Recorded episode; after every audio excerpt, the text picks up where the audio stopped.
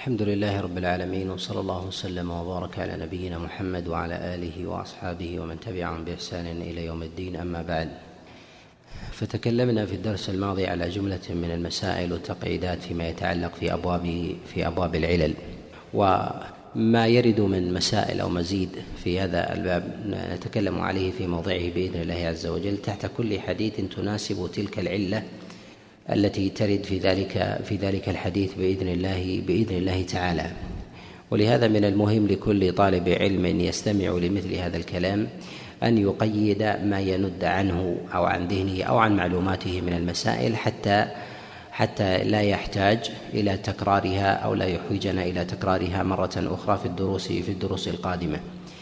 الحديث آه الذي نتكلم عنه في هذا اليوم حديث عبد الله بن عمر عليه رضوان الله تعالى وهو ما رواه الإمام أحمد وأبو داود الترمذي والنسائي وابن ماجه كلهم من طريق الإمام من حديث آه، كلهم آه، كلهم من حديث عبد الله بن عمر أن رسول الله صلى الله عليه وسلم قال إذا كان الماء قلتين لم يحمل الخبث هذا الحديث حديث عبد الله بن عمر هو من الأحاديث المشهورة المعلومة في كتب السنة وكذلك دواوين الفقه عند المذاهب الأربع وكذلك عند الظاهرية. وهذا الحديث قد رواه حماد بن أسامة أبو أسامة عن الوليد بن كثير عن محمد ابن جعفر ابن الزبير عن عبد عن عبد الله ابن عبد الله ابن عمر عن أبيه عن رسول الله صلى الله عليه وسلم أن النبي صلى الله عليه وسلم قال إذا كان الماء قلتين لم يحمل لم يحمل الخبث. وقد اختلف في هذا الخبر من عدة أوجه في راويين منه. الراوي الأول هو ابن عبد الله بن عمر هو اسمه عبد الله أو أو عبيد الله. ابن عبد الله بن عمر عليهم رضوان الله تعالى. آه، قد جاء في هذا الخبر من طريق حماد بن أسامة عن الوليد بن كثير عن محمد بن جعفر بن الزبير عن عبد الله عن عبد الله ابن عبد الله ابن عمر عن أبيه. جاء بهذا الوجه بعبد الله بن عبد الله وجاء أيضا عن عبيد الله ابن عبد الله عن أبيه عن رسول الله صلى الله عليه وسلم. رواه بالتعبيد حماد بن أسامة وكذلك أيضا رواه عباد بن صهيب كلهم عن الوليد بن كثير عن محمد بن جعفر بن الزبير عن عبد الله بن عبد الله ابن عمر عن أبيه. وقد جاء أيضا من هذا الوجه من حديث حماد بن أسامة وقد تبع على ذلك كما جاء فيما تقدم في حديث عباد بن صهيب وقد رواه البيهقي والدار قطني بقوله عبيد الله بن عبد الله ابن عمر عن أبيه عن رسول الله صلى الله عليه وسلم. وعبيد الله وعبد الله كلهم من الثقات. وقيل في قول بعض المتأخرين أنهما واحد وهما اثنان إن شاء الله تعالى. وموضع الإشكال الثاني والاضطراب في هذا الإسناد أنه تارة يقال محمد بن جعفر بن الزبير وتارة يقال محمد بن عباد بن جعفر وهو شيخ الوليد بن كثير وكذلك ما يروي عن ابن عبد الله ابن عمر. فتارة يقال محمد بن جعفر بن الزبير وهذا الذي الذي رواه الإمام أحمد وكذلك أهل السنن ورجحه أبو داود عليه رحمة الله في كتابه في كتابه السنن. أن الصواب في هذا أن الصواب فيه محمد بن جعفر بن الزبير وليس محمد بن عباد بن جعفر. وذلك أن أبا داود عليه رحمة الله تعالى يرويه من حديث حماد بن أسامة عن الوليد بن كثير عن محمد بن عن محمد بن جعفر بن الزبير عن عبد الله بن عبد الله بن عمر عن أبيه. وجاء وجه آخر أنه عن محمد بن عباد بن الزبير ومحمد بن عباد بن جعفر وهذا قد رواه أيضا الإمام أحمد وغيره من حديث من حديث الوليد بن كثير عن محمد بن عباد عن عبيد عن عن عبيد الله بن عبد عن عبد الله بن عبد الله بن عمر عن أبيه عن رسول الله صلى الله عليه وسلم. ومن العلماء من رجح محمد بن جعفر بن الزبير كقول أبي داود ومنهم من رجح من رجح محمد بن عباد بن جعفر وذهب إلى هذا جماعة من الأئمة من الحفاظ من المتأخرين. ومنهم من رجح الوجهين أنه محمد بن جعفر بن الزبير ومحمد بن عباد بن جعفر وذهب إلى هذا أيضا جماعة وهو ظاهر كلام الدار قطني والبيهقي وكذلك أيضا جماعة من الحفاظ من المتأخرين أن الحديث صحيح على الوجهين باعتبار أن أن كلا الراويين من الرواة الثقات وكذلك أيضا حماد بن أسامة من الرواة الثقات الكبار في هذا في في أبواب الرواية. ويبعد أن يكون اضطرب مثله في مثل هذا الحديث. وهذا كله محتمل والحديث هذا قد اختلف فيه. هل هذا الاضطراب الذي وقع في الإسناد مما يعل به الإسناد أم لا؟ اختلف العلماء في ذلك. منهم من قال أنه معلول بالاضطراب فقالوا لا يصح. ومنهم من قال أن الصواب في ذلك الوقف باعتبار أنه جاء من وجه آخر موقوفا على عبد الله بن عمر من قوله ويأتي الكلام على الموقوف بإذن الله تعالى. ومنهم من قال أن ذلك الاضطراب لا يعل به لا يعل به الحديث. وذهب إلى هذا أكثر الأئمة الاوائل على أن هذا الحديث صحيح وذهب إليه جماعة من الحفاظ كيحيى بن معين وكذلك أيضا وكذلك آه، أيضا الإمام الترمذي وكذلك الدار قطني وابن خزيمة وابن حبان وابن منده وجماعة وجماعة من الأئمة وعمل به سائر وعمل به سائر السلف من جهة المدلول العام في المعنى التفريق بين القليل والكثير على خلاف في تحديد في تحديد القلة والكثرة مما يأتي الكلام عليه في كلامهم بإذن الله تعالى. قد عمل به وصححه كذلك الإمام الشافعي عليه رحمة الله كما في كتابه الأم. من الأئمة من أعله بالاضطراب وذهب إلى هذا جماعة من الأئمة وهو قول ابن القيم عليه رحمة الله تعالى وذهب إليه وتبعه بعض أهل الحديث من المتأخرين. ومنهم من قال أن الصواب في هذا الحديث الوقف يعني الوقف على عبد الله على عبد الله بن عمر. وقد رجح الوقف جماعة كالحافظ المزي وكذلك أيضا شيخ الإسلام ابن تيمية عليه رحمة الله. وذهب بعض العلماء إلى أن ترجيح الوقف في ذلك هو في بعض الأوجه لا في أصل الحديث. وهذا ظاهر في كلام الدار قطني عليه رحمة الله تعالى وكذلك أيضا في قول البيهقي كما في كتابه السنن. وذلك أن حديث عبد الله بن عمر عليه رضوان الله تعالى قد جاء عنه مرفوعا وموقوفا. من حديث معاوية عن زائد بن قدامة عن ليث عن مجاهد عن عبد الله بن عمر. وهذا الحديث قد روي عنه مرفوعا وموقوفا. عن عبد الله بن عمر عليه رضوان الله تعالى فقد رواه معاوية عن زائدة عن ليث عن مجاهد عن عبد الله بن عمر موقوفا. وخالفه في ذلك محمد بن كثير المصيصي عن زائد عن ليث عن عن ليث عن مجاهد عن عبد الله بن عمر مرفوعا. وتوبع على ذلك أعني في أبواب الوقف فقد رواه أبو نعيم كما رواه ابن المنذر في كتابه الأوسط. عن أبي نعيم عن عبد السلام عن ليث عن مجاهد عن عبد الله بن عمر عليه رضوان الله تعالى موقوفا. ومال إلى صحته موقوفا على هذا الوجه جماعة من الحفاظ وهو قول الدار قطني عليه رحمة الله وكذلك البيهقي. وذهب بعض العلماء إلى أن الحديث من جهة الأصل أنه أنه موقوف ولا يصح مرفوعا فهو من الطريق السابق من حديث حماد بن أسامة عن الوليد بن كثير عن محمد بن جعفر بن الزبير أو محمد بن عباد عن عبد الله أو عبيد الله بن عبد الله بن عمر عن عبد الله بن عمر عن رسول الله صلى الله عليه وسلم أنه لا يصح من هذا الوجه. وأما ما جاء في حديث زائدة فالصواب في ذلك الوقف. وقد اضطرب في هذا الحديث أعني في حديث ليث عن مجاهد عن عبد الله بن عمر وقد تفرد بروايته من هذا الوجه ليث في أبواب الوقف والرفع. وقد رواه غيره كما رواه ابن أبي شيبة في كتابه المصنف من حديث يزيد عن أبي إسحاق عن مجاهد من قوله وهذه ثلاثة اوجه في هذا الطريق. تارة يجعل من حديث ليث عن مجاهد عن عبد الله بن عمر مرفوعا وتارة يجعل من حديث ليث عن مجاهد عن عبد الله بن عمر موقوفا وتارة يجعل من غير حديث ليث عن مجاهد موقوفا عليه يعني مقطوعا في اصطلاح في اصطلاح أهل المصطلح. وهذا من حديث يزيد عن أبي إسحاق عن مجاهد. ولكن يقال أن ثمة قاعدة تعلم أو أو توجد أو تذكر في بعض كلامهم على سبيل الإشارة. وأيضا من أراد أن يستنبطها يجدها أيضا في كلام كثير من أهل العلل وبالأخص الدار قطني أن ما كان على سبيل الفتوى وتضمن حكما من الأحداث المرويه من الأحاديث المروية عن رسول الله صلى الله عليه وسلم أنها تارة تروى مرفوعة وموقوفة ومقطوعة لأن مقتضاها الفتوى فيفتون بهذا القول فهذا يخرج عن مسألة الرواية. فإذا حينما يأتي حديث في هذا الباب عن رسول الله صلى الله عليه وسلم أنه قال إذا كان الماء قلتين لم يحمل الخبث لا بأس أن يفتي الإنسان بهذا الأمر في نازلة تنزل تنزل به فيقول لشخص إذا كان الماء قلتين لم يحمل الخبث فيكون من قوله وهذا لا يغير كونه مرفوعا.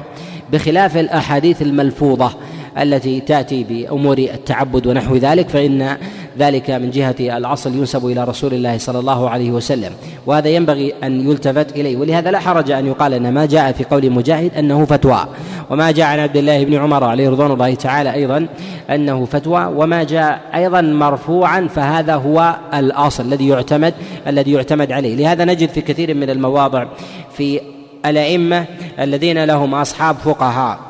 الذين لهم أصحاب فقهاء تلك الأقوال التي يروونها عن أصحابهم. كما جاء عن عبد الله بن عباس وله أصحاب كثر من الفقهاء هؤلاء أصحابه الذين يروي يروون عن عبد الله بن عباس.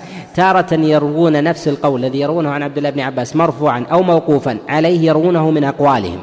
فبعض الناس حينما ينظر إلى ذلك لا يفرق بين رواية الفقيه وروايه ورواية غيره. وهذا من الأمور والمسائل المهمة التي ينبغي لطالب العلم أن يفرق وأن يمايز بين رواية الراوي الفقيه وغير الفقيه والرواة في كتب الرجال على قسمين.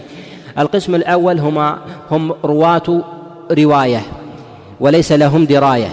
ثاني رواة ولهم دراية أي لهم فقه وفتوى فهذا ينبغي أن يؤخذ بالاعتبار. ومن لم يميز بين هذين فإنه يقع في الوهم والاضطراب وكذلك عدم إدراك كثير من سياقات الأئمة في أبواب في أبواب التعليل. فيجد بعض الأئمة يعل في موضع ولا يعل في موضع آخر في ذات المسألة المتشابهة في ذلك. وهذا باب دقيق ينبغي لطالب العلم أن يعتني به أيضا بأجزائه. فثمة بعض الرواة هو من أهل الفقه والدراية في باب ولكنه في باب هو من أهل الرواية لا من أهل الدراية. فإنه في مثل ذلك لا يسوق أن يقال أنه صاحب دراية فيروي ويفتي من قوله باعتبار عدم اختصاصه في هذا عدم اختصاصه في هذا الباب. ولهذا ينبغي لطالب العلم أن يعتى أن يعتني بذلك. كذلك أيضا فإن من الأحاديث ما لا يحتمل ما لا يحتمل فيه الفتوى. كأخبار الفضائل وكذلك أشراط الساعة ونحو ذلك فإن هذا ليس من المسائل مسائل الفتوى وإنما هي من الأخبار التي ينقلها الراوي. فجانب الفتوى في ذلك ضعيف فينبغي لطالب العلم أن يعتني بأبواب المتون وكذلك أيضا مسائل الفقهيات التي تروى على الأئمة عليهم رحمة الله. ومن الوجوه التي أعل بها بعض العلماء هذا الحديث يعني حديث عبد الله بن عمر عليه رضوان الله تعالى ما جاء في علل في ابواب في أبواب المتن فإن هذا الحديث قد وقع فيه اضطراب في متنه.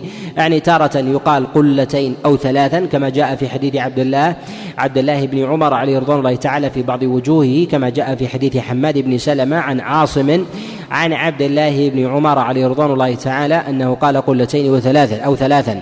جاء بصيغة الشك وقد اختلف فيه على حماد بن سلمة في روايته هذه. رواه جماعة ب رواه جماعة بالشك. رواه وكيع وعفان ويزيد بن هارون وهدبة عن حماد بن سلمة به بالشك. ورواه جماعة آخرون بغير بغير شك. رواه في ذلك عفان أيضا ويزيد بن هارون رواه أيضا عنه بلا بلا شك فرواه بالوجهين وكذلك أيضا رواه أيضا الطيالسي والعلاء كلهم عن حماد به ولكن ولكن جعلوه جعلوه بلا بلا شك. ومنهم من رجح رواية الشك فأعل الحديث ومنهم من لم يرجح رواية الشك باعتبار أنها أنها وهم وهم واضطراب من حماد من حماد بن سلمة. وهذا الحديث قد صحه كما تقدم وأعلم من صحه في ذلك ويحيى بن معين عليه رحمة الله وعمل به أيضا كثير من كثير من الأئمة. وقع فيه نزاع واضطراب وقد صنف فيه جماعة من العلماء جملة من المصنفات بين راد ومردود. وقد صنف في ذلك ابن العربي عليه رحمة الله جزءا في ذلك وأراد بذلك أن يرد على الشافعي في عمله بهذا الحديث. وكذلك أيضا رد به على بعض الأئمة كما جاء وعله بعض الأئمة كابن عبد البر عليه رحمة الله. وقد رد عليه في ذلك المقدسي عليه رحمة الله. وهذا وهذا أمر سائغ في وهو في أبواب الاجتهاد. وهذا الحديث محتمل التعليل ومحتمل التصحيح وهو أصل في بابه على من قال بظاهر لفظه ولم يقل ولم يقل بدلالة الخطاب في بقية الأحاديث التي تلغي دلالة الخطاب ومفهومه في هذا الحديث. وهذا ليس محل محل كلام على معانيه وكذلك فقهه وإنما له موضع آخر يرجع يرجع إليه. وينبغي الإشارة إلى مسألة في هذا السياق أنه ينبغي لطالب العلم أن يعلم أن علم العلل لا ينفك ولا ينفصل عن علم الفقه أي معرفة فقه الأوائل. فقه الأوائل على سبيل الخصوص من الصحابة والتابعين وأتباعهم. وهؤلاء علمهم لا يمكن أن ينفصل عن علم العلل وبقدر نقص الإنسان في هذا الباب ينقص ادراكا لمسائل لمسائل التعليل وذلك وذلك من وجوه متعددة. منها ما تقدم أن الرواة منهم أصحاب دراية ومنهم من ليس بصاحب دراية. ومن هو له رأي ومن ليس برأي. وكذلك أيضا منهم من له بلد تعتني بفقه يختلف عن الفقه الآخر. كما في آه، فقه المكيين فإنهم يعتنون بفقه المناسك ونحو ذلك. فمن لم يعرف الرواة لم يعرف أصلا المكي من غيره ولم يعرف أيضا من يعتني بباب عن غيره. وكذلك المسائل التي تكون متونها في أبواب المناسك تختلف وجودا لذات الرواة عن ال عن ال عن الأحاديث التي تكون في غير في غير أبواب المناسك وهكذا. ومنها أحاديث تهتم بفضائل فضائل البلدان وكذلك أيضا أبواب السير والمغازي والفتن والملاحم ونحو ذلك وذلك أن مدارسها يعتنون يعتنون بهذا بهذا النوع. وهذا ما ينبغي لطالب العلم أن يكون على عناية ودرايه ودراية به. وذلك لأسباب وكذلك وجوه عريضة ربما يأتي الكلام عليها يأتي الكلام عليها بإذن الله تعالى. وقد جاء من وجوه الاضطراب في هذا في هذا الحديث أنه قد جاء في في أخبار عن أصحاب رسول الله صلى الله عليه وسلم جاء من حديث جابر بن عبد الله وجاء أيضا من حديث عبد الله بن عباس وجاء أيضا من حديث عبد الله بن عمرو وطرب في تحديد في تحديد القلال. هل هي قلتين أو ثلاثا أو أكثر من ذلك؟ وقيل وقيل أربعين. جاء في حديث جابر بن عبد الله من حديث القاسم عن محمد بن المنكدر عن جابر بن عبد الله أنه قال إذا بلغ الماء أربعين أربعين قلة. وهذا الحديث قد أنكره غير واحد لأنه قد تفرد به القاسم في روايته عن محمد بن المنكدر عن جابر بن عبد الله وقد جاء أيضا وقد جاء أيضا عن عبد الله بن عباس عليه رضوان الله تعالى أنه قال ذنوبين أو ثلاثة وجاء في رواية ذنوبين أو أكثر لم يحمل الخبث. وهذا قد جاء عن عبد الله بن عباس عليه رضوان الله تعالى من حديث الزمعة عن هدبة عن عكرمة عن عبد الله بن عباس. وجاء أيضا من قول عكرمة عليه رضوان الله تعالى أنه قال ذنوبين ذنوبين أو ثلاثة. وهذا قالوا لما وجد هذا الفقه في كلام بعض السلف فإنه يحتمل إعلال أصل الحديث. ولكن يقال أن بعض هذه الطرق مما لا يحتج به وربما كانت الزيادة عن القلتين إشارة إشارة إلى سياق سياق قد وردت فيه تلك تلك الرواية. فينبغي ألا ألا تنتزع منه وأن تؤخذ تلك الفتاوى أو تلك الأقوال بحسب سياقها. وألا تنقل على أنها روايات وأخبار أخبار منفردة أو منفردة قد ألقاها الإنسان مثلا في مجلس عام ونحو ذلك. وكثير من الفتاوى التي يلقيها الصحابة عليهم رضوان الله تعالى إنما كانت في مسائل أعيان فنقلها الرواة عنهم على سبيل الاجتزاء والاختصار ولم ولم يبينوا أسباب أسباب الورود. فجهل كثير من الناس أسباب آه، ذلك السياق أو ذلك اللفظ فظنوا بها أنها أحاديث مروية على هذا النحو. وهذا ما ينبغي أن يكون طالب العلم على على انتباه على انتباه فيه. وأما الحكم على هذا الحديث من جهة النهاية هل هذا الحديث معلول أم ليس بمعلول؟ هذا الحديث معلول ولا شك ولا شك في ذلك. ولكن هل هو مردود يعني أنه لا يحتج به؟ العلة ظاهرة فيه من جهة الإسناد ومن جهة ومن جهة المتن. أما من جهة الإسناد ما وقع فيه من اضطراب قد يكون مخلا وقد لا يكون مخلا ويظهر عدم إخلاله. وأما من جهة المتن وذلك أن المتن من جهة الأصل في هذا المعنى ينبغي أن يروى بأحاديث أشهر وأقوى من هذا وينبغي أن يرويه في ذلك الكبار. فلما جاء فردا من هذا الوجه فإنه على طريقة المحدثين يقال بإعلاله. ولكن هل يقال برده؟ يعني عدم الاحتجاج به. الذي يظهر والله أعلم أن هذا الحديث من جهة قبوله ورده يرجع فيه إلى فهم متنه ثم يتفرع بعد ذلك إلى الحكم. إذا قلنا أن هذا الحديث له دلالة منطوق ودلالة مفهوم فإن على طريقة المحدثين النقاد الأوائل لا بد أن نقول بإعلاله ولا يمكن أن يصح فنقول أنه منكر. وإذا قلنا أن الحديث له دلالة منطوق وليس له دلالة مفهوم وما خالفه من الأحاديث في دلالة في دلالة الخطاب والتي يسميها أو دلالة المفهوم التي يسميها أهل الكلام بدلالة الخطاب فإننا نقول حينئذ أن المنصوص الأدلة يقدم على دلالة خطاب هذا الحديث فإننا نقول بقبوله. وعلى هذا فيما يظهر يحمل سياق ما السياق التصحيح الذي جاء عن الأئمة عليهم رحمة الله تعالى كما جاء في كلام يحيى بن معين وكذلك الترمذي والدار قطني وغيرهم الذين قالوا الذين قالوا بصحة الحديث و وقوته. والذي يظهر والله أعلم آه، أن حمل الحديث على معناه الثاني هو الأولى وعلى هذا الوجه نقول أن الحديث أن الحديث يحتمل. وإنما الإشكال إنما طرأ عند كثير من المتأخرين بسبب دلالة المفهوم. ولما كانت دلالة المفهوم تقتضي تنجيس الماء لمجرد ورود النجاسة أنه إذا كان دون دون القلتين فإنه يحمل الخبث بمجرد الملاقاة قالوا هذا لابد من أن يحمله رواة كثر لأنه فيصل في أمر الماء والماء يحتاجه الناس. والناس لا يحترزون للماء في زماننا آه، في أزمنتهم كما نحترز في زماننا بأوعية وحافظات وخزانات ونحو ذلك وإنما كانت مياه موجودة متناول كثير من ممن يطرأ عليه النجاسة من السباع والبهائم كالكلاب وغير ذلك فإنها ترد على ذلك. وعلى هذا وعلى هذا قالوا لا بد أن يحمل ذلك من الرواة الكبار. فلماذا تنكبه الرواة الكبار ورواه من؟ من هو دونهم الذين الذين هم في عداد المتوسطين وإن كانوا من الثقات كالوليد بن كثير وكذلك محمد بن جعفر ومحمد بن عباد. لكن إذا قلنا بخلاف ذلك أن هذا الحديث له دلالة منطوق وأما دلالة المفهوم فيشار إلى أهمية الاحتراز وأن ينبغي الإنسان أن يحتاط أم وأنه لا يحكم على هذا الحديث. بنجاسة إلا بتغير أحد أوصافه الثلاثة كما جاء في ذلك عن رسول الله صلى الله عليه وسلم كما في المسند والسنن من حديث أبي سعيد الخدري في قول رسول الله صلى الله عليه وسلم إن الماء لا ينجس. وما جاء أيضا في حديث أبي أمامة إلا ما غلب على ريحه وطعمه ولونه بنجاسة بنجاسة تحدث فيه. وهذا محل إجماع محل إجماع عند عند العلماء. وكما تقدم الإشارة إليه أن فهم الحديث هو هو فرع عن الحكم عليه. لهذا ينبغي لطالب العلم أن يفرق بين نهج الأوائل وقوتهم في إدراك دلالات مفهوم الأحاديث وثم ما يبنون عليه من الاعلان وكذلك أيضا طرائق المتأخرين وما يبنون عليه من وما يبنون عليه من إعلال. وهذا من المسائل المهمة التي ينبغي لطالب العلم أن يكون على عناية على عناية بها. وثمة فروع لهذه المسألة في في ألفاظ القلة وكذلك الذنوب أو الدلو ونحو ذلك. والاختلاف اختلاف الروايات في هذا في هذا عن رسول الله صلى الله عليه وسلم وجلها لا وجلها لا يصح. وأصح ما جاء في ذلك هو هو قلتين.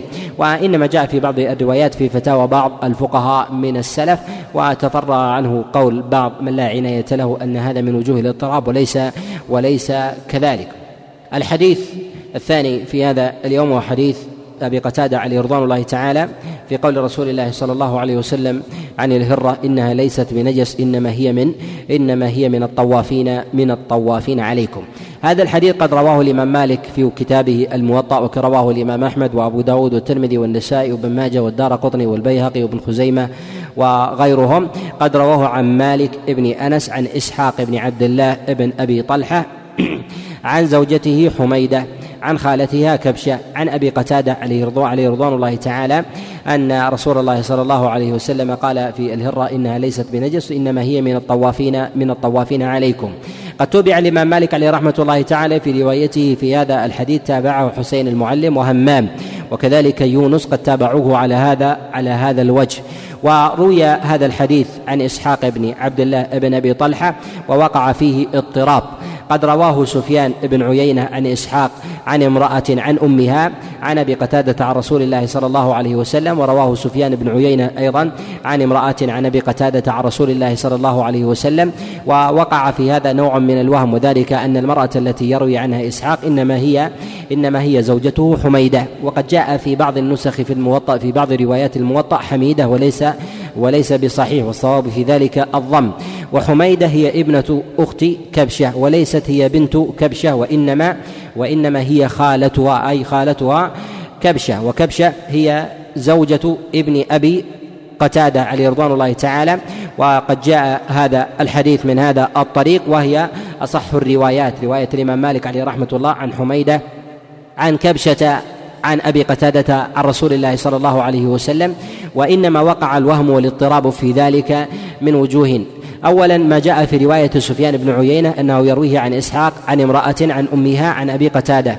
الوجه الآخر فيما جاء عن سفيان فيما يرويه عن إسحاق عن امرأة عن أبي قتادة فأسقط أمها وتبين فيما سبق أنها ليست هي ليست هي أما له وإنما هي خالتها. يعني عن أبي قتادة عن رسول الله صلى الله عليه وسلم. وجاء من وجه آخر من حديث إسحاق عن أبي قتادة ولم يذكر في ذلك ولم يذكر في ذلك الواسطة. وجاء أيضا من حديث هشام هشام ابن عروة. يرويه في ذلك عن إسحاق وقد وقع فيه اضطراب أيضا. يرويه ابن جريج عن هشام عن إسحاق عن امرأة عن أمها عن أبي قتادة. وتارة يسقط يسقط هشام الواسطة بين إسحاق وبين أبي قتادة وتارة يجعله أيضا وتارة يجعله أيضا مرسلا. وهذا الاضطراب ينبغي أن لا يلتفت إليه وأصح الروايات هي رواية الإمام مالك عليه رحمة الله تعالى كما قال ذلك البخاري فيما نقله عنه الترمذي وكذلك أيضا قاله الترمذي عليه رحمة الله وصح هذا الحديث جماعة من الحفاظ كابن خزيمة وابن حبان والدار قطني وغيرهم.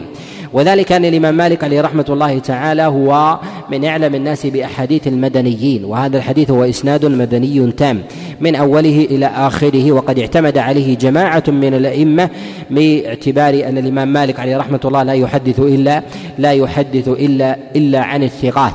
ولهذا الحديث جملة من الطرق وكذلك أيضا جملة من الشواهد. جاء في حديث عائشة عليه رضوان الله تعالى وجاء أيضا وجاء أيضا من حديث وجاء أيضا آه، مرسلا عن رسول الله صلى الله عليه وسلم وهي معلولة ولا تخلو ولا تخلو من الضعف. ولكن لا حاجة إليها مع وجود حديث أبي قتادة عليه رضوان الله تعالى وقد رواه عن أبي قتادة غير. كبشة في هذا الحديث. قد رواه أسيد بن أبي أسيد عن أبيه عن قتادة وجاء أيضا من حديث عبد الله بن أبي قتادة عن أبيه عن رسول الله صلى الله عليه وسلم وجاء أيضا في حديث أبي هريرة وعائشة ولا تخلو ولا تخلو هذه هذه الأحاديث من ضعف. وأصح ما جاء في هذا الباب هو حديث أبي قتادة عليه رضوان الله تعالى. وروي هذا الحديث مرفوعا وموقوفا على أبي قتادة والصواب في ذلك وفي الصواب في ذلك الرفع. وصحح الوقف الدار قطني عليه رحمة الله تعالى مع تصحيحه للرفع. قال وذلك أن أبا قتادة عليه رضوان الله تعالى روي عنه ذلك في قضية عين ولم يسأل عن مستنده في ذلك ولو سئل لأسنده إلى رسول الله صلى الله عليه وسلم. وهذا ما تقدم الإشارة إليه أنه ينبغي لطالب العلم في مسائل الفتيا ومسائل ومسائل الأحكام أن ينظر إلى المسائل التي ربما تقع. من الإنسان وتنقل من فعله ونحو ذلك ومن المسائل التي ترتجل كنقل الأخبار والحكايات ونحو ذلك التي آه، محلها السماع وليس وليس الفتيا وليس الفتيا في الدين. هذا الحديث فيه جملة من الرواة ممن تكلم عليهم ممن تكلم عليهم بعض العلماء من المتأخرين وأعل هذا الحديث بسببه. أولهم حمي أولهم حميدة وكذلك أيضا كبشة وحميدة هي مقلة الرواية يروي عنها إسحاق وهو زوجها ويروي عنها يحيى وهو ابنها. وهي من الرواة الثقات قد وثقها جماعة كابن حبان وكذلك الدار قطني كما في كتابه السنن. فإنه لما أخرج هذا الخبر قال رواته ثقات معروفون. وكذلك أيضا في إسناده كبشة وهي زوجة ابن أبي قتادة عليه رضوان الله تعالى. وكبشة قد قيل بصحبتها وهي متقدمة قد قال بصحبتها جماعة جماعة من الأئمة. وقال بذلك جماعة كابن سعد قال أسلمت وبايعت رسول الله صلى الله عليه وسلم كما في كتابه الطبقات وقال ذلك أيضا أبو موسى المديني وغير هؤلاء قالوا ب قالوا بصحبتها. وإن لم تكن أيضا من الصحابة فهذا الخلاف عند العلماء فيها يدل على أنها متقدمة ومن طبقة ومن طبقة علية وهي وهي زوجة ابن آه، صحابي جليل عليه رضوان الله تعالى. وبهذا نعلم أن الحديث الذي يرد به آه، أو العلل التي ترد آه، ترد به هذا هذا الحديث هي علل معلولة. وذلك أن هذا هذه العلل التي ذكرها ذكرها المتأخرون في هذا الحديث وهي حميدة. وكذلك كبشة اعتمادهم على ذات الجهالة. ثمة مسائل في مسائل آه، في آه، التجهيل أو أحكام الجهالة التي ينبغي لطالب العلم أن يكون على عناية على عناية بها. أن الجهالة بذاتها ليست علة قاطعة آه، محسومة يعل بها يعل بها الحديث. بل يقال أن بل يقال إن الجهالة قد تعل الحديث وقد لا تعله. وإنما قلنا قلنا بأن الجهالة جرح وكذلك إعلال للحديث باعتبار عدم معرفة ذلك الراوي فيكون حينئذ الراوي الراوي غير معلوم التعديل والأصل في ذلك الاحتراز والتشديد في هذا ولهذا تواترت وتكاثرت وتكاثر كلام العلماء عليهم رحمة الله تعالى في أبواب في أبواب توثيق توثيق الرواة ويحترزون في ذلك لأن الأصل في ذلك أن الإنسان أن الإنسان متهم وليس المراد بذلك التهمة في الدين فكثير من الناس يرجع إلى أصل الظن المراد بذلك هي التهمة في عدم الضبط في عدم الضبط لأن مجتمعات الإسلام الأصل فيها البراءة ومن قذف في شيء لو قيل في شخص أنه أنه أنه كذاب ونحو ذلك أو متهم في دينه أو في أو زنديق ونحو ذلك فإن هذا مخالف للأصل. وإنما في قول العلماء أن الأصل في ذلك الجرح يعني المراد بذلك عدم الحفظ والضبط. هذا هو الأصل عند العلماء وليس المراد بذلك ما يتعلق في أمر في أمر الديانة. ويخلط كثير من يتكلم في أبواب الرواة في أن الأصل في المسلم العدالة المراد بذلك العدالة عدالة الديانة. وما يتكلم عليه الأئمة عليهم رحمة الله تعالى الأصل في الراوي الجرح أو سوء الظن يعني في أبواب في أبواب الحفظ.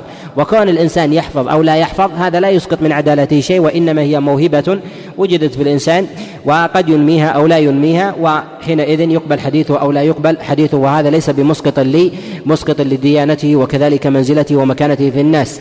والحفظ منزلة تتباين عن مسألة العلم فقد يكون الإنسان عالم وكذلك أيضا من أهل الفتوى لكنه لا يؤتى لا يؤتى حفظا. لهذا نقول أن الجهال لهذا نقول إن الجهاله في أبواب في أبواب الرواية ينبغي أن يرجع فيها إلى القرائن يرجع فيها إلى القرائن أكثر من غيرها. إذا نظرنا في كتب قواعد الحديث وكذلك مسائل آه، مسائل المصطلح ونحو ذلك نجد الأئمة في كلامهم على في كلامهم على الجهالة أنهم يجعلون الجهالة على قسمين جهالة عين وجهالة حال. يقولون وجهالة العين هي التي جهالة العين هي التي آه، يجهل فيها عين الشخص ويتفرد بروايته عنه واحد. وأما جهالة الحال هو الذي يروي عنه اثنين اثنين فصاعدا. وهذا وهذا قصور في تحديد أمر أمر الجهالة. وذلك من وجوه. الوجه الأول أن الأئمة الذين يذكرون ذلك لا يلتفتون لا يلتفتون إلى إلى المتون التي يرويها الراوي وهذا وهذا السبر الذي يحتاجه الناقد. فالراوي الذي يروي عن شيخ واحد ويروي عنه شيخ واحد ويروي عشرة متون هذا قد أعطاك فرصة إلى سبر على سبر متونه بخلاف الذي يروي واحد عن واحد ولا يروي إلا حديث. وقد يكون الشخص يروي عنه اثنين ويروي هو عن اثنين ولكن له حديث ولكن له حديث واحد. وذلك الأول يختلف يختلف عنه. الأمر الثاني أن الأئمة عليهم رحمة الله تعالى لا يذكرون الشيوخ والشيوخ لهم منزلة ومكانة في أبواب المجاهيل. يعني الشيوخ الذي يحدث عنه يحدث عنه المجهول. والمجهول إذا كان يحدث عن إمام ثقة وكبير فإن هذا من قرائن من قرائن التعديل وكذلك التوثيق. فإن الأئمة الكبار كشعبة ومالك وكذلك أيضا أضرابهم وكذلك أيضا من كان في طبقتهم من جهة المكانة والمنزلة ممن سبقهم في هذا في هذا الباب كالحفاظ كمحمد بن شهاب الزهري وكذلك عبيد الله بن عمر وغيرهم. من الأئمة الحفاظ إذا روى عنهم بعض المجهولين فإن هذا مما فإن هذا مما يعطي الإنسان قرينة على التعديل وليس وليس هو بالنص أيضا.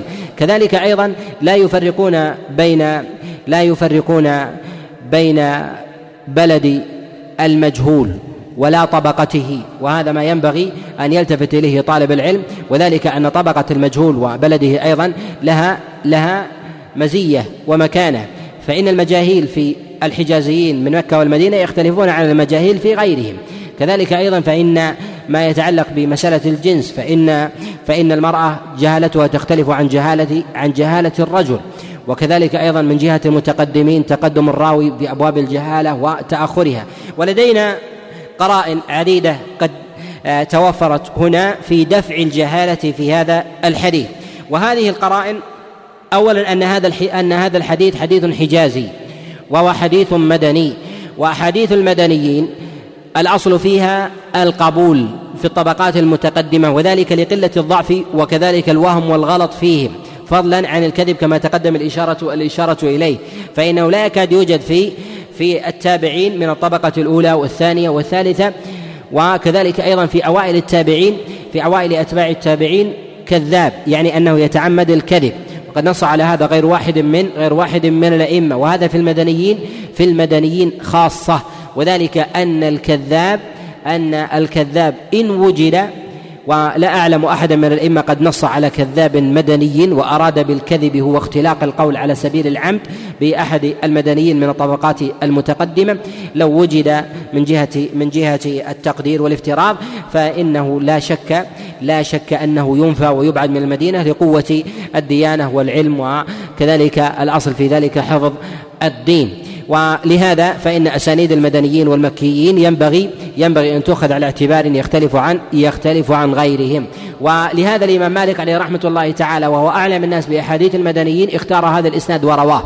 من القرائن التي تدفع الجهالة في ذلك أن هذا الحديث اختار له الإمام مالك عليه رحمة الله أدق الأسانيد و وأخصها في معرفة حال الراوي. فالإمام مالك عليه رحمة الله روى عن إسحاق بن عبد الله عن زوجته. والرجل لا يلتقي بزوجته في الشهر مرة أو في الشهرين أو في السنة ونحو ذلك وإنما هو يعرف حديثها ويعرف مواضع الوهم والغلط في كلامها وهل تضبط الرواية والأخبار أو لا تضبط. بخلاف الإنسان الذي يأخذ من شيخه الذي يأخذ من شيخه يأتي إليه مثلا ساعة ساعة من اليوم ونحو ذلك فيأتي الشيخ يريد أن يأتي بمعلومة فيلقيها فيلقيها إليه. ولا يعرف أيضا حال الشيخ من جهة ضبطه للرواية ونحو ذلك. ومعلوم أن السبر الذي يأخذه العلماء بمعرفة حال الراوي من جهة ضبطه في أبواب اللقيا أن هذا يعرف بطريقتين. الطريقة الأولى بمخالطة الإنسان مخالطة الإنسان والكثرة من معاشرته. إذا كان الإنسان يخالط الإنسان في صباحه ومسائه بالبيع والشراء والحكايات والقصص وأحاديث الناس وما يأتي أيضا من حديث رسول الله صلى الله عليه وسلم. استطاع أن يعرف أن فلان يضبط الحديث إذا إذا بين له مثلا أخبار الناس وكذلك ما يوصونه بأحاديث من بلاغ إليهم وكذلك في البيع والشراء. يعرف أن فلان يضبط الحديث وأيضا يساعده ذلك في معرفة حاله في أبواب الرواية. الأمر الآخر السبر وهو السبر يأتي بعد ذلك ما يتعلق بسبر بسبر رواية الراوي في أبواب في أبواب الحديث. وهذا قد لا يتيسر أيضا. قد يكون الراوي مثلا عمره سبعون وثمانون سنة ولكن ليس له إلا حديثين وثلاث ولا يعقل أنه لم يتكلم إلا بهذه الأحاديث. لهذا باب الصبر لديك قصير جدا ولا تستطيع أن تميز. بخلاف الشخص الذي لديك كم كبير جدا من حديثه فإنك تستطيع أن تميز الحديث من الحديث الصحيح من الضعيف في كلامه كذلك أيضا قوته من جهة الضبط وعدمه. لهذا الإمام مالك روى عن إسحاق عن زوجته. مع وجود الحديث من غير هذا الطريق من حديث أسيد بن أبي أسيد عن أبيه عن أبي قتادة وكذلك من حديث عبد الله بن أبي قتادة عن أبيه وكذلك أيضا ما جاء في غير حديث أبي قتادة عليه رضوان الله تعالى. فرواه من حديث إسحاق عن زوجته عن خالتها كبشة. وأبواب الجهالة في أمور النساء أبواب الجهالة في أمور النساء هذه من القرائن التي تدفع تدفع أصل أصل الإعلال عند العلماء. العلماء حينما يعلون رجلا بالجهالة يقول لماذا لم يعلم؟ لأن الأصل في الرواة العلم العلم بأحوالهم والبروز إلى الناس وحضور الميادين والمجالس. ولما كان الأصل في النساء عدم الظهور للرجال كان الأصل في أحوالهن في أحوالهن الجهالة. ولهذا تجد الإنسان ربما جار لا يعرف حال امرأة جاره ولو سئل عنها هل هي ضابطة للرواية ليس المراد بذلك هي العدالة الدينية. وإنما ضبط الرواية لما عرف ذلك وجاره له عشرين أو ثلاثين أو ثلاثين سنة. وأما أحوال الجيران من الذكور فيستطيع أن يحكم على حال جاره لمعاشرته مثلا لسنة وسنتين ونحو ذلك. إذا فالأصل في النساء في طبيعتها هو عدم العلم بخلاف بخلاف خلاف الرجال فإن الأصل بهم العلم. ولما كان الأصل في في أبواب الرواية الاحتياط والاحتراز فإنه يضعف بضعف أسبابه. وضعف الأسباب هنا هو ضعف هو ضعف أسباب الوقوف على حال على حال المرأة. وحينئذ يقل يقلل من أبواب من أبواب الاحتياط.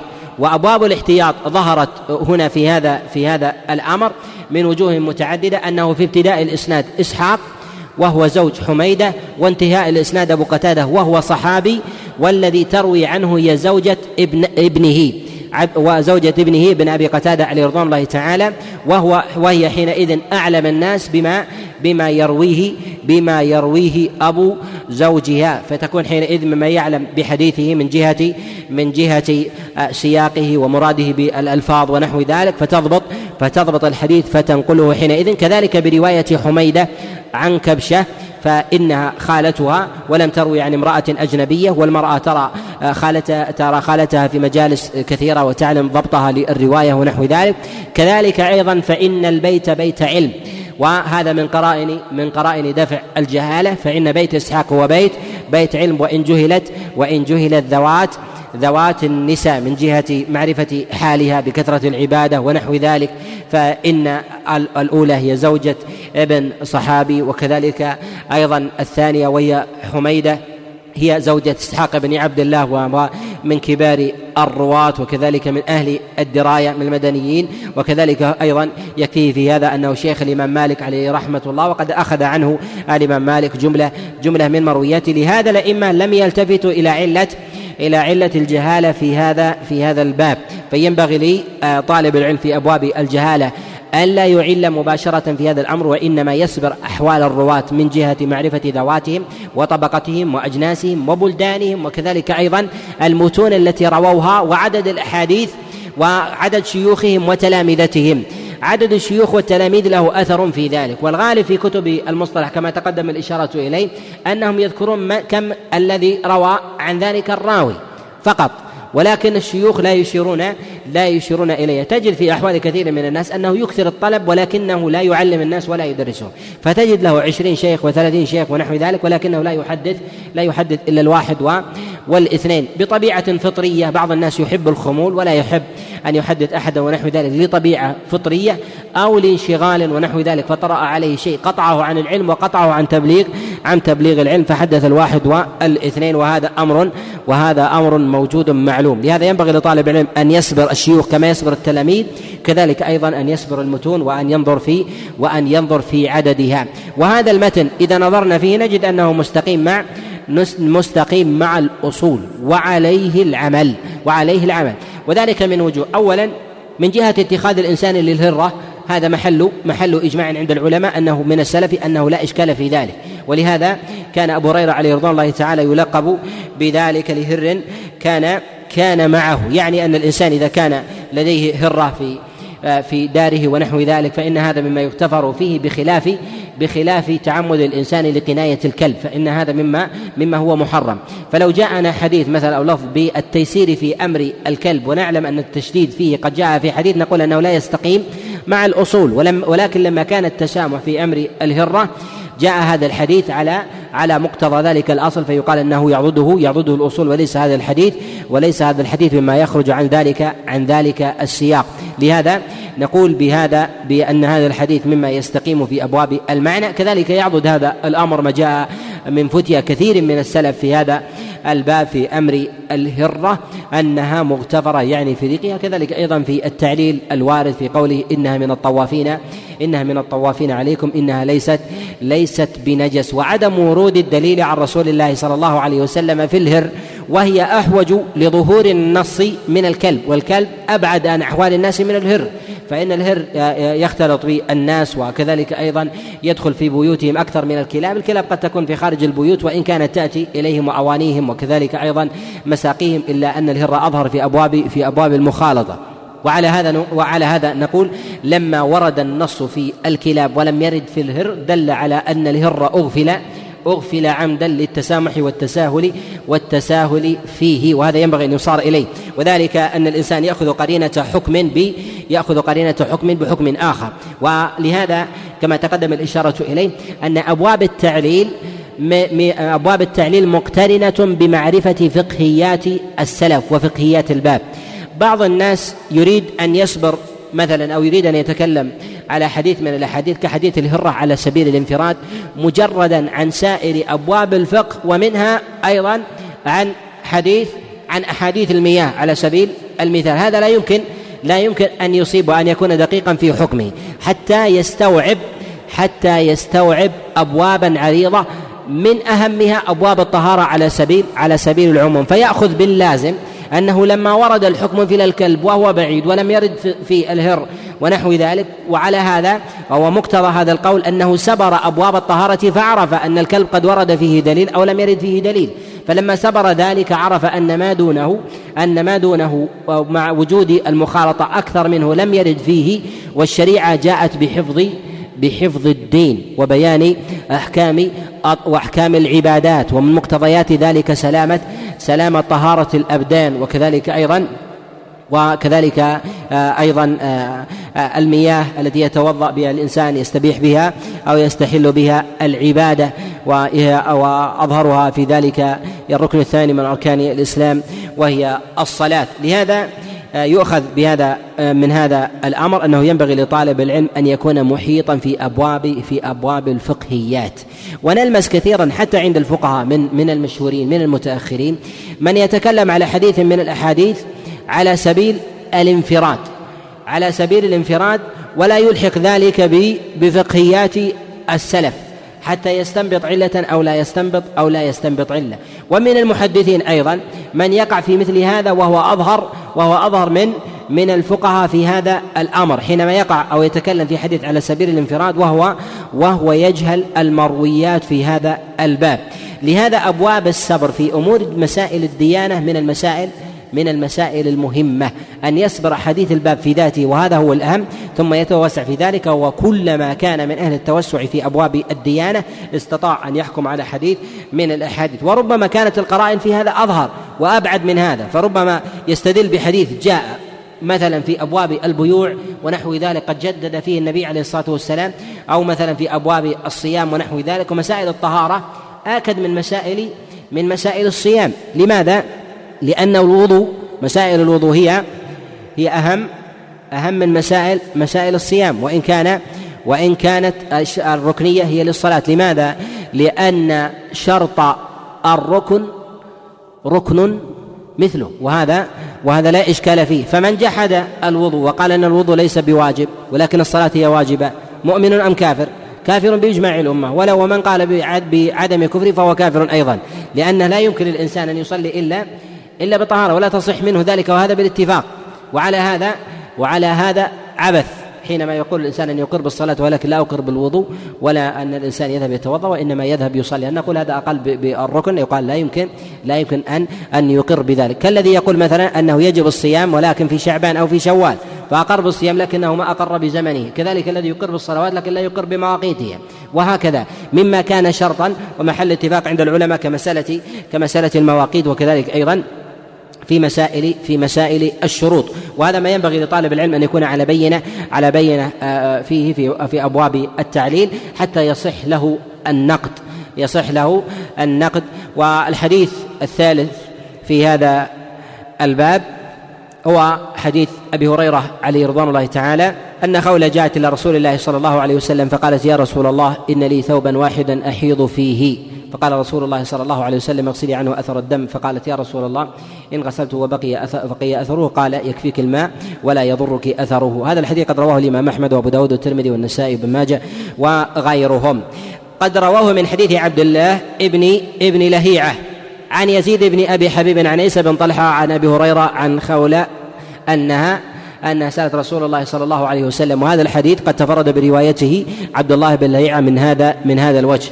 قد اختلف فيه على عبد الله بن لهيعة فرواه عبد الله بن وهب وكذلك قتيبة عن عبد الله بن لهيعة به بهذا بهذا السياق.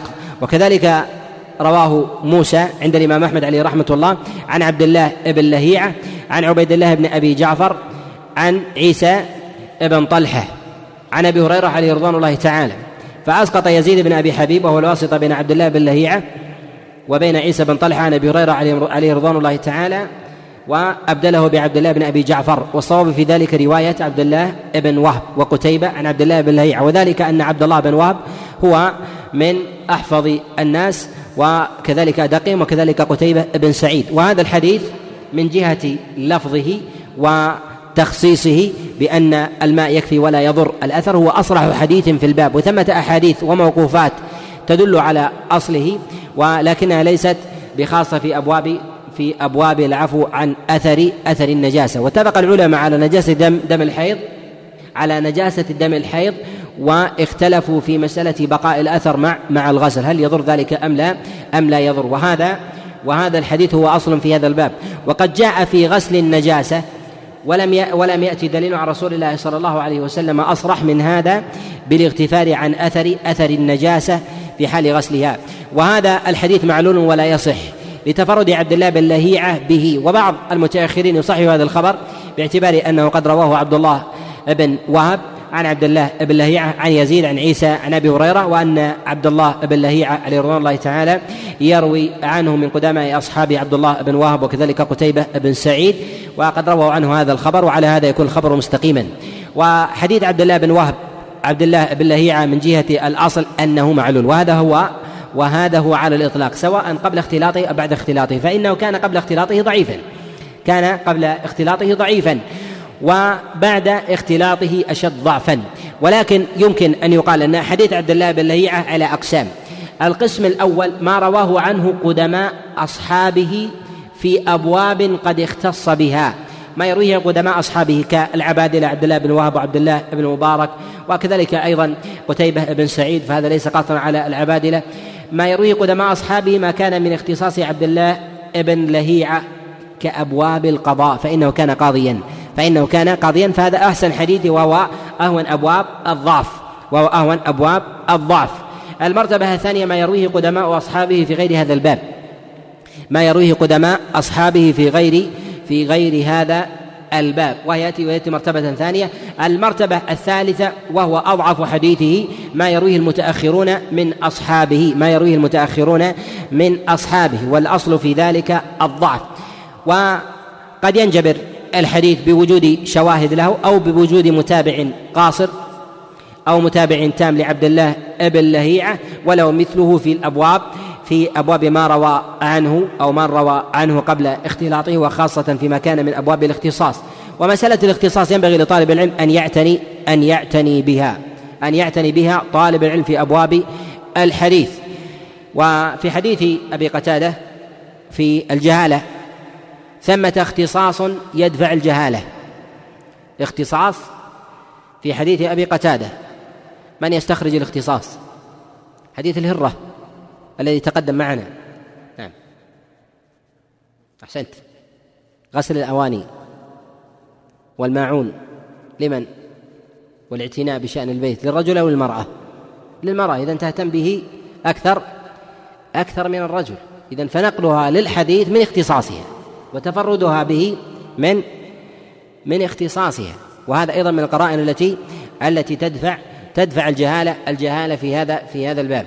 كذلك أيضا بعض الرواة قد يكون قد يكون الراوي ضعيفا ولكنه من أهل من أهل الاختصاص فيما يروي كأن يكون مثلا مؤذنا اماما قاضيا ونحو ذلك.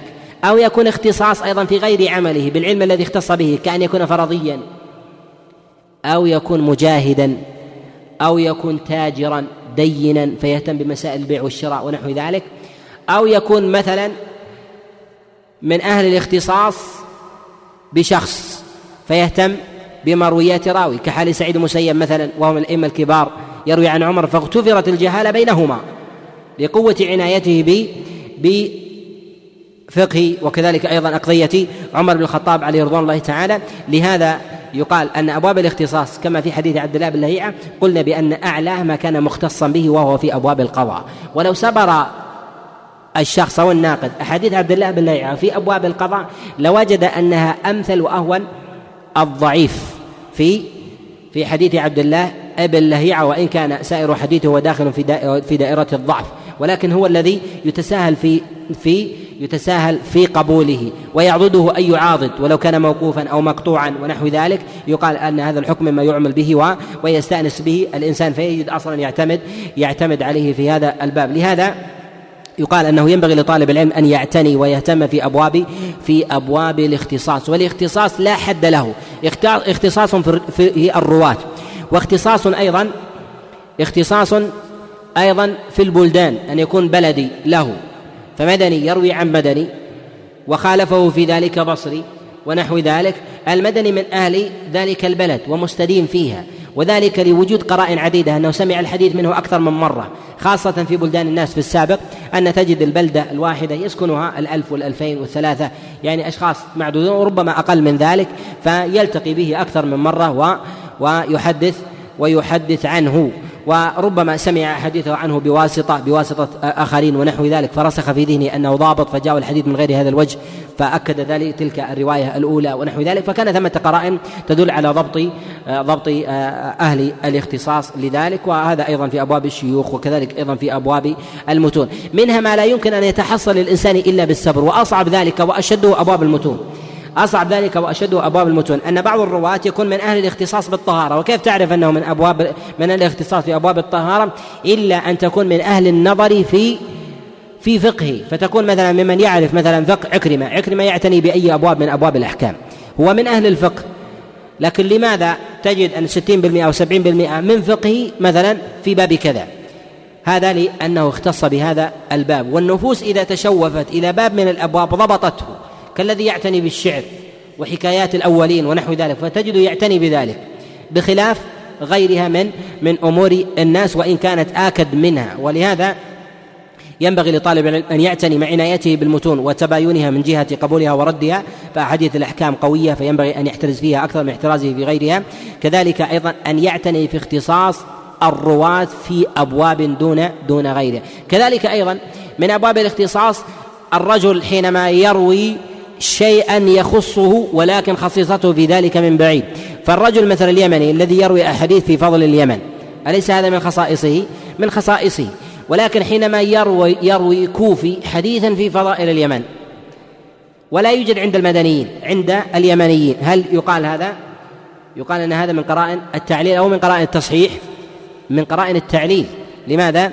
لأن هذا ليس ليس من خصائصك. وأنت وأنت متوسط الحفظ. وأما من كان في درجته وهو يمني فيقال أن أهل البلدان لا يهتمون بفضائل بفضائل الكوفة وهو شامي أو بفضائل مصر وهو شامي ونحو ذلك إلا على سبيل الاختصاص إنسان يختص في أمور البلدان ونحو ذلك. وهذا أمر وهذا أمر نادر نادر في نادر في الناس. وعلى هذا بحديث آه، حديث أبي هريرة عليه رضوان الله تعالى يقال الأصل فيه الضعف. ولكن جاء له شواهد عديدة من غير هذا الاختصاص اعني في مسألة طهارة الثوب ولو لم يبقى أثره ولو بقي أثره بعد بعد غسله. جاء في ذلك حديث أسماء وجاء أيضا حديث عائشة عليه رضوان الله تعالى. في أنها تغسل عنه أثر الدم. وجاء موقوفا ما يعضد العمل بهذا الحديث من حديث معاذة العدوية كما رواه الدارمي وكذلك البيهقي في كتابه السنن من حديث معاذة العدوية عليه رضوان الله تعالى أنها قالت سألت عائشة عليها رضوان الله تعالى عن الحيض يصيب الثوب ويبقى أثره فقالت أزيه بصفرة. وهذه الصفرة تريد بذلك نوع من الطيب ونحو ذلك تزيل الأثر المراد بذلك جمال المرأة. وإزالة الأثر بمثل ذلك أن هذا أن هذا لا يعني إزالة النجاسة مثلا فالعين موجودة ولكن يعني المراد بذلك هو مزيد مزيد تجمل في هذا. فنقول إن عائشة عليه رضوان الله تعالى وقد جاء في رواية في قوله إن الماء طهور يعني أن الماء قد طهرها وأما ذلك الأثر فإنه لا يضر. وإسناده عن عائشة وإسناده عن عائشة عليه رضوان الله تعالى رضي الله تعالى عنها صحيح. وبه نقول أن هذا الحديث يعمل به وهو في ذاته وهو في ذاته ضعيف فقد جاء ما يعضده من جهة المعنى العام من غير تخصيص الأثر وإنما هو غسل غسل أثر أو غسل آه، ما يرى من عين النجاسة من الحيض والعذرة ونحو ذلك كما جاء في حديث أسماء وكذلك عائشة. كذلك أيضا فإن النظر إلى حال آه، الأوائل فإن آثار الدماء لا تزول بخلاف ما من الله عز وجل به من كثير من حال من أحوال كثير من الناس في الزمن المتأخر أنهم يغسلون النجاسة ويزيلون ويزيلون أثرها، أما الدم فيشق على الأوائل، فإذا أصاب الثوب خاصة المرأة التي تبقى في حيضها سبعة أيام. سبعة أيام في حيضها ويصل ويصل الدم إلى ويصل الدم إلى ملابسها. وليس هو الدم العارض الذي الذي يزال وإنما يبقى طويلا في في في ثوبها ويعسر عليها أن تغسل كل كل لحظة ونحو ذلك. لهذا لهذا يقال أن الدم إذا بقي على ثوب الإنسان في يوم ويومين ونحو ذلك أن هذا يصعب في إزالة إزالة الأثر. وأما إزالة العين فإنها فإنها تزول لهذا يقال هذا من قرائن من قرائن الحال باعتبار أن الأصل في ذلك دفع المشقة والتيسير في هذا الأمر والمشقة واردة عندهم فيقال حينئذ باغتفار ذلك وهذا ما يعضد. والحديث الرابع حديث أبي هريرة عليه رضوان الله تعالى قال رسول الله صلى الله عليه وسلم إذا ولغ الكلب في إناء أحدكم فليرقه. وهذا الحديث قد رواه الإمام مسلم في كتابه الصحيح. قال حدثنا علي بن حجر حدثنا علي بن مسر عن الأعمش عن أبي صالح وأبي رزين عن أبي هريرة عن رسول الله صلى الله عليه وسلم. وهذا الحديث قد تفرد بهذه اللفظة فليركه علي بن مسهر ويرويه عنه علي بن حجر عن علي بن مسهر عند الإمام مسلم. وقد صدر هذا الحديث الإمام مسلم في كتابه الصحيح في الباب. وعلي بن مسهر وإن كان من الثقات الحفاظ إلا أنه تغير بعدما فقد كتبه كما ذكر ذلك الإمام أحمد عليه رحمة الله. قال ومن تبع على شيء يعني بعد تغيره وإلا وإلا فلا يقبل لا يقبل حديثه. وتفرد بهذه اللفظة فليرق وهو في طبقة متأخرة. والطبقة المتأخرة لا تحتمل منها الزيادة في الألفاظ باعتبار وباعتبار البعد عن تعدد الرواية. التي يقبل منها في الأغلب. الزيادة في الألفاظ هي الطبقات المتقدمة جدا من من العالية من التابعين وكذلك أيضا يضعف هذا الأمر كلما تأخر يجد في طبقات متأخرة من التابعين وأتباع التابعين يضعف شيئا فشيئا حتى حتى لا يكاد الإنسان يقبل شيئا من زيادات المتأخرين خاصة من طبقة علي بن مسر. ولهذا تجد الأئمة عليهم رحمة الله ينكرون هذه الزيادة. أنكرها الإمام النسائي وقال علي بن مسر لا يوافقه في روايته على هذه اللفظة أحد وكذلك حمزة الكناني وابن مندة وجماعة من الأئمة. ولكن هذه الرواية وإن كانت وإن كانت من جهة المعنى مقتضاها ظاهر مقتضاها ظاهر في الحديث لأن النبي صلى الله عليه وسلم قال إذا ولغ الكلب في إناء أحدكم فليرقه ثم ليغسله سبعا. الإراقة هنا لا بد منها لأنك لا يمكن أن تغسل الإناء إلا وقد أفرغت الماء. ولماذا قلنا إذن بالتعليل؟ قلنا بالتعليل لوجوه. الوجه الأول أن العلماء الذين يقولون بصحة هذه الرواية يستدلون بها على نجاسة الماء الذي ولغ فيه الكلب. على هذا لا يستفاد منه لا في غسيل. مثلا على سبيل على سبيل المثال غسيل لباس أو برش أرض ونحو ونحو ذلك. ونحو هذا. وسواء كان الماء قليلا أو كان أو كان كثيرا. والأمر الثاني أننا في تضعيف هذه الرواية وبيان حكمها ندفع لفظا لم يقله رسول الله صلى الله عليه وسلم نكاد نجزم به وإن كان قد صح هذه اللفظة غير واحد من الأئمة. ونسب هذا التصحيح إلى جماعة من الأئمة في هذا الباب. وقد أخرجها ابن خزيمة في كتابه الصحيح ولم يتكلم ولم يتكلم عليها وصح أيضا جماعة من الأئمة كابن ملقن وغيره والصواب في ذلك والصواب في ذلك أنها منكرة. وهي زيادة قد تكون مدرجة في اللفظ أو رواها الراوي بالمعنى ولا تظهر أنها في رواية الحديث أو ربما فهم من السياق أن هذه أنها متضمنة للإراقة ونحو ذلك وهذا هو الغالب من أحوال الناس أن الناس في الأغلب لا يحتاجون إلى الماء الصغير آه، القليل ونحو ذلك في تعافه النفس ونحو هذا. وتعليل الرواية لا يعني أن الإنسان يستفيد من ذلك الماء. وإنما قد تعافه النفس ويزيل هذا الماء ولا يحتاج إليه. لكن نقول أنه لا حرج عليه مثلا يستفيد الماء مثلا برش أرض أو مثلا بغسيل ونحو ذلك والاحتياط في ذلك أو لا لأنه قد جاء جماعة من السلف الإراقة وهذا قد نص عليه عطاء بن أبي رباح كما رواه عبد الرزاق في كتابه المصنف من حديث ابن جريج عن عطاء أنه قال أريقوه يعني آه، ما بلغت فيه ما ولغت فيه الهرة من اللبن من اللبن وغيره. وهذا نعلم آه، ما ولغ فيه الكلب آه، سواء كان ماء أو أو غير ذلك. وبه نعلم أن هذه اللفظة إنما أعلت لسبب أنه تفرد به علي بن مسر وعلي بن مسر من طبقة متأخرة. والمتأخر لا تحتمل منه لا تحتمل منه الزيادة. لا تحتمل منه الزيادة. وهنا إشكال وهو لماذا اخرجها الإمام مسلم في كتابه الصحيح وصدرها في الباب؟ وصدرها في الباب. نقول الإمام مسلم له منهج في في كتابه الصحيح في إخراجه للأحاديث فتارة يخرج ألفاظ ويريد إعلالها يخرج ألفاظ ويريد إعلالها. لكن الإمام مسلم لا يخرج حديثا بكامله معلول بكامل الحديث معلول. هذا ليس منهج الموصل بل ينافي بل ينافي مقصده من تأليفه الصحيح. لأنه ما ألف كتابه إلا لأجل إلا لأجل لأجل جمع الأحاديث الصحيحة ولكن الألفاظ قد يخرج لفظة ويريد إعلالها ويعرف ذلك بقرائن. من هذه القرائن أن الإمام مسلم يصدر في بابه الحديث الصحيح يصدر في بابه الحديث الصحيح ثم يورد بعده الألفاظ المتباينة التي تخالفه. فتكون دونه مرتبة. قد تكون صحيحة وقد تكون وقد تكون معلولة. ومن ذلك أيضا أن الإمام مسلم إذا أورد لفظة وهي فرد في الباب ولم يرد معها غير غيرها فإن الإمام مسلم يريد بذلك التصحيح قطعا. فلا يورد لفظة في حديث ولا يورد سبب التعليل من وجه من وجه آخر وهذا ينبغي أن ينتبه إليه. فما أخرجه مسلم في كتابه الصحيح ولم يخرج معه في بابه غيره فإن هذا مقتضاه مقتضاه التصحيح لهذه لهذا الحديث وكذلك أيضا هذه هذه اللفظة. وما يخالف هذا التغليب في صنيع الإمام مسلم أنه أخرج هذا الحديث في أصل الباب. حديث الحديث الذي في حديث أبي هريرة قال فليركه ثم أورد بعد ذلك الألفاظ الكثيرة في هذا الحديث ووضع اللفظه في أوله.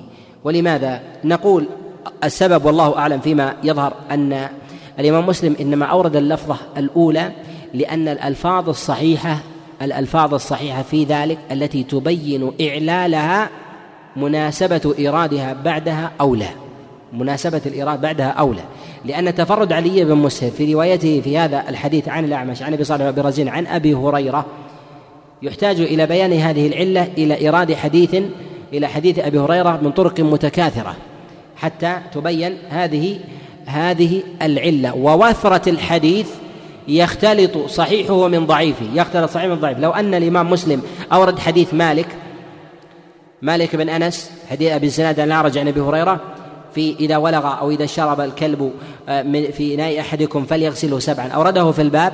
ثمة طرق كثيرة في هذا الباب.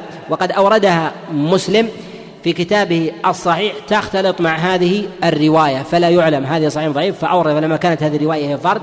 جعلها في الباب وجعل كل ما عداها وجعل كل ما عداها صحيح. وهذا مسلك الإمام مسلم يفعله يفعله في في الأحيان.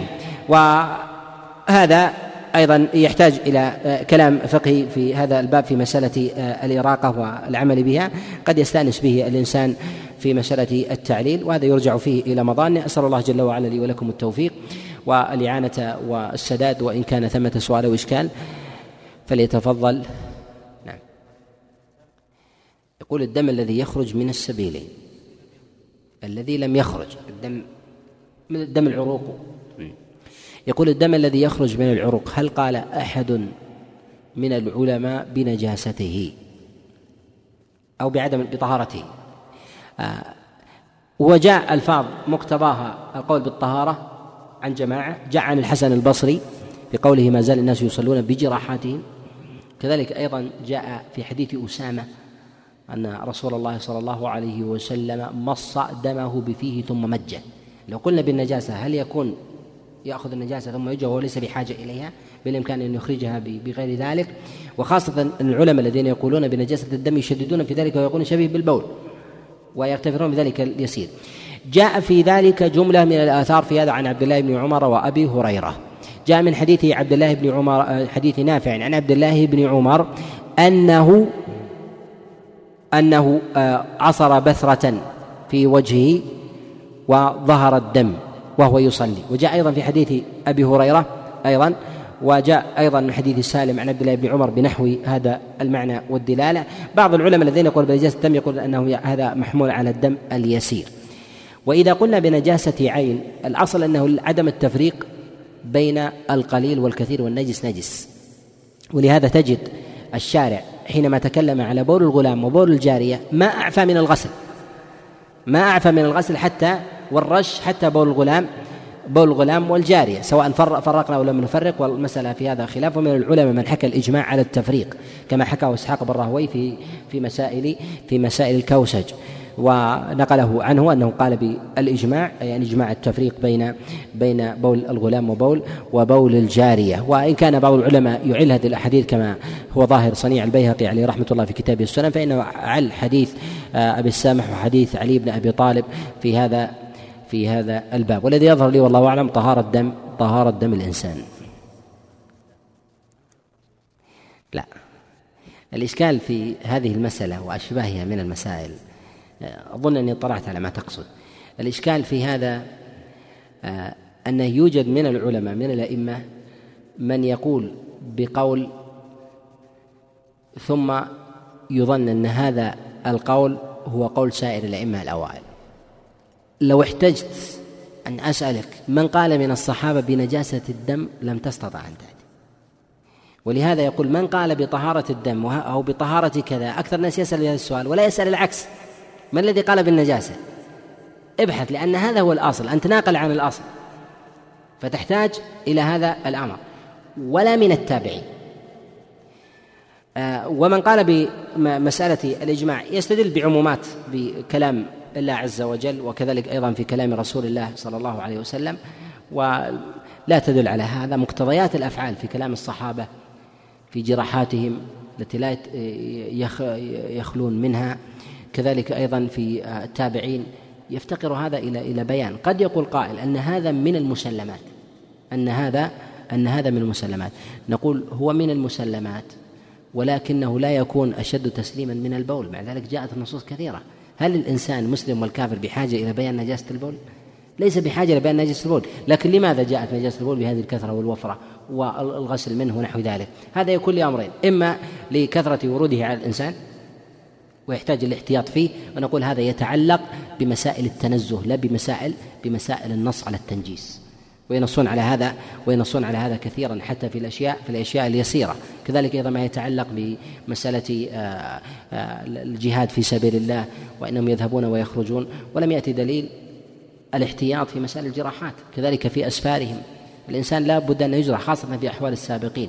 تجد أنهم لا أحذية وتجد الخفاف مشققة وكذلك ما يجدون من لأوى وشدائد من بناء الدور وكذلك حفر الآبار ونحو ذلك. وتقع منهم جراحات ولم يرد الاحتراز في ذلك وأن أحدا قطع صلاته لوجود دم ونحو ذلك يوجد احتياطات في هذا عن بعض السلف كما جاء عن عبد الله بن عمر وهو وهو محتمل. نعم. بلى. قد ذكر الإمام أحمد عليه رحمة الله هذا أنه في حال وجود ورود قصه في الحديث أن هذا يعني على الضبط. حينما يأتي الإنسان ويحكي حادثة أمامه فلان أتى إلى فلان ثم ذهب وفعل كذا وتكون هذه الحادثة مدتها عشر دقائق. يحكيها للناس دقيقة وهو ضعيف في الحفظ. ولكن حينما يحدث بنصف دقيقة لا يستطيع أن يأتي بالألفاظ كما كما هي. في القصة يضبطها الإنسان ويضبط ما ويضبط ما فيها. وهذا من القرائن التي تدل على أن الرواية إذا اقترنت بقصة تدل على ضبط الراوي وشدة انتباهه لها. نعم. ما يظهر هذا لأنه قد يقال يلتمس وجه آخر يقال أن قد تكون أمها من الرضاعة. ممكن لكن لا يطلقونها. عن أمها تؤخذ على ظاهرها إلا على شخص يعرف خاصة أبواب الرواية الذين يحدثون بهذا لا يعلمون لفظ الأم إلا أم النسب. فيحترزون في هذا وخاصة الإمام مالك هو شديد في أبواب في أبواب الأسانيد. سبر حديث الراوي على الطريقة التي كان العلماء يصبرون هذا محال. ولكن السبر على الطريقة التي يستطيع الإنسان أن يوجد الأحاديث فيها هذا خاصة في زمننا أن يجمع الأحاديث أو يكون لديه مثلا محفوظات فيستحضر مجموعة من الأحاديث لفلان ويصبرها ولا يلزم من ذلك الصبر التام لجميع الحديث قد يكون الراوي مثلا مئتين حديث. أو له مئة أو مئة وخمسين. فيصبرها فينظر هل متونها مستقيمة؟ استقامة المتن لا يمكن أن يصح لدى الإنسان إلا بملكة علمية يكون لدى الإنسان ملكة. لأن إذا أردت أن تصبر مثلا على سبيل المثال أحاديث شريك بن عبد الله أو شهر بن حوشب تجد حديث في الطهارة حديث في الزكاة حديث في الحج حديث فضائل الأعمال. كيف تستطيع أن تميز أن الحديث موافق لأحاديث الباب أو ليس موافق؟ أو منكر ليس منكر. لا بد أن يكون لديك ملكة في التمييز. وهذا هو الذي يفقده كثير من الناس من المتأخرين حتى من أهل العلم الذين يتكلمون في أبواب في أبواب الأحاديث. كذلك أيضا لا يمكن أن يتحقق. لو تحقق عند كثير من الناس كما كان عند الأئمة الأوائل بمعرفتهم لفتاوى لفتاوى السلف. وكذلك أعمل أهل البلدان. وهذا من المسائل الدقيقة. تجد مثلا أهل الكوفة لديهم فقه ولديهم مدرسة. تجد المدنيين لهم فقه ولديهم مدرسة. سبر أحاديث الراوي مرتبط بفقه البلد. لا يمكن أن يكون راوي يروي حديث في مسألة والإسناد صحيح وهو يفتي بغيره وأهل بلده يفتون بغيره. لا يمكن. فكيف تعرف هذه النكارة؟ تعرف أحيانا تنكر الحديث وتقول فتوى أهل الكوفة تخالف رواية فلان عنهم مع أنه ليس فتوى هو حديث فتعل هذا الحديث حديث الكوفيين لأنهم لا يعملون لماذا؟ لأن الأصل في أهل العلم أنهم أصحاب ورع لا يمكن أن يكون الحديث في الكوفة ولا يؤثر في نفس من نفوسهم إلا وقد مالت مالت للحق لأن المسألة دين كذلك أيضا في أبواب المدنيين والمكيين لكن لو وجد أو علم الفقيه أن عمل المدنيين في مسألة من المسائل كذا ثم وجد إسنادا بصريا يفتي بكذا. نقول ممكن يصح. لكن لو كان نفس الإسناد ولديك علمان بفقه البصريين تعله وهذا ما لا تستطيع أن تفصح به على سبيل اليقين للسامع. السامع لا تستطيع أن تدلل له المدلول الذي خرجت به أن هذا الإسناد منكر. وهذا الداعي لكلام كثير من العلماء كأحمد وابن معين أنهم يكتفون هذا الحديث منكر وانتهى الأمر.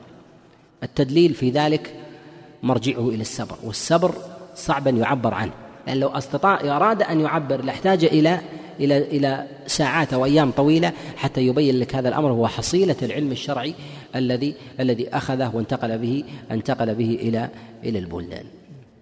نعم.